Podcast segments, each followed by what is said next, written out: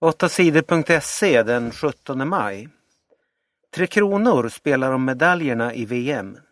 Vilken rysare det blev! Kvartsfinalen mellan Sverige och Kanada i hockey-VM blev en riktigt spännande kamp. Tre Kronor vann matchen med 3-2 efter straffar. Vid full tid stod det 2-2. Niklas Danielsson gjorde båda målen för Sverige. I förlängningen blev det inga mål och matchen fick avgöras med straffar. Matchens stora hjältar var målvakten Jonas Enroth och straffskytten Fredrik Pettersson. Pettersson sköt den avgörande straffen för Sverige. Han försökte inte lura Kanadas målvakt med dragningar. Istället dundrade han pucken i mål med ett stenhårt slagskott. Ett fantastiskt mål. Publiken i Globen i Stockholm stod upp och jublade. Det känns helt underbart, sa Fredrik Pettersson efter matchen. Jonas Enroth klarade sedan Kanadas straff. Saken var klar. Sverige hade vunnit matchen och gått till semifinal i VM. Sveriges seger var en stor överraskning. Tre Kronor har spelat halvdåligt i gruppspelet i VM. Laget fick bland annat stryk med 3-0 av Kanada i gruppspelet. Men nu har Tre Kronor hittat VM-formen. Sverige spelade klokt försvarsspel och kedjan med bröderna Sedin spelade mycket bra i anfall. På fredag möts Sverige och Finland i semifinal. Vinner Sverige den matchen blir det VM-final på söndag mot Schweiz eller USA. Obama säger att kemiska vapen har använts i Syrien. Det finns bevis för att kemiska vapen har använts i kriget i Syrien.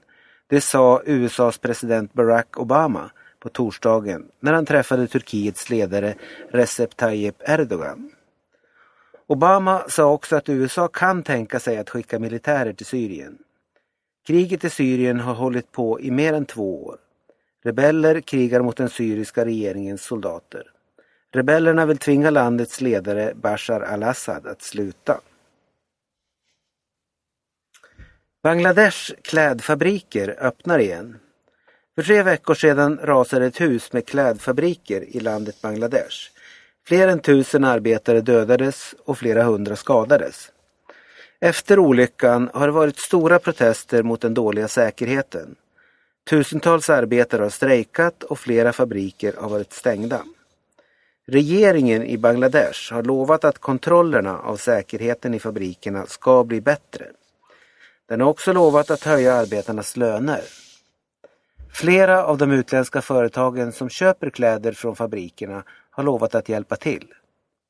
Nu öppnar fabrikerna igen.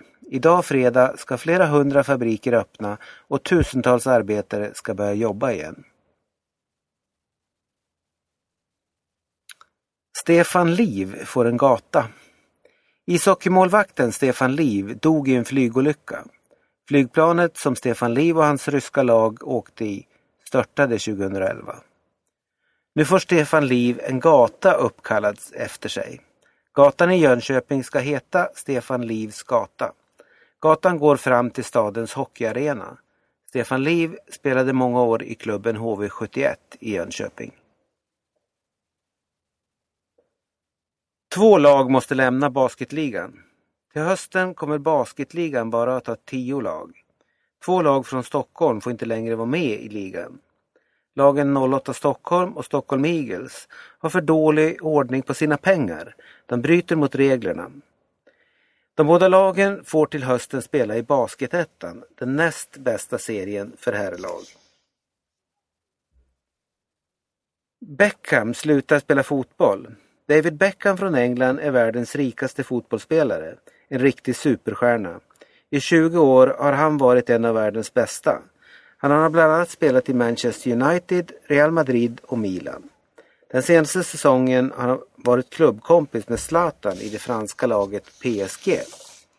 Men nu slutar David Beckham spela fotboll. Den 26 maj spelar han sin sista match med PSG.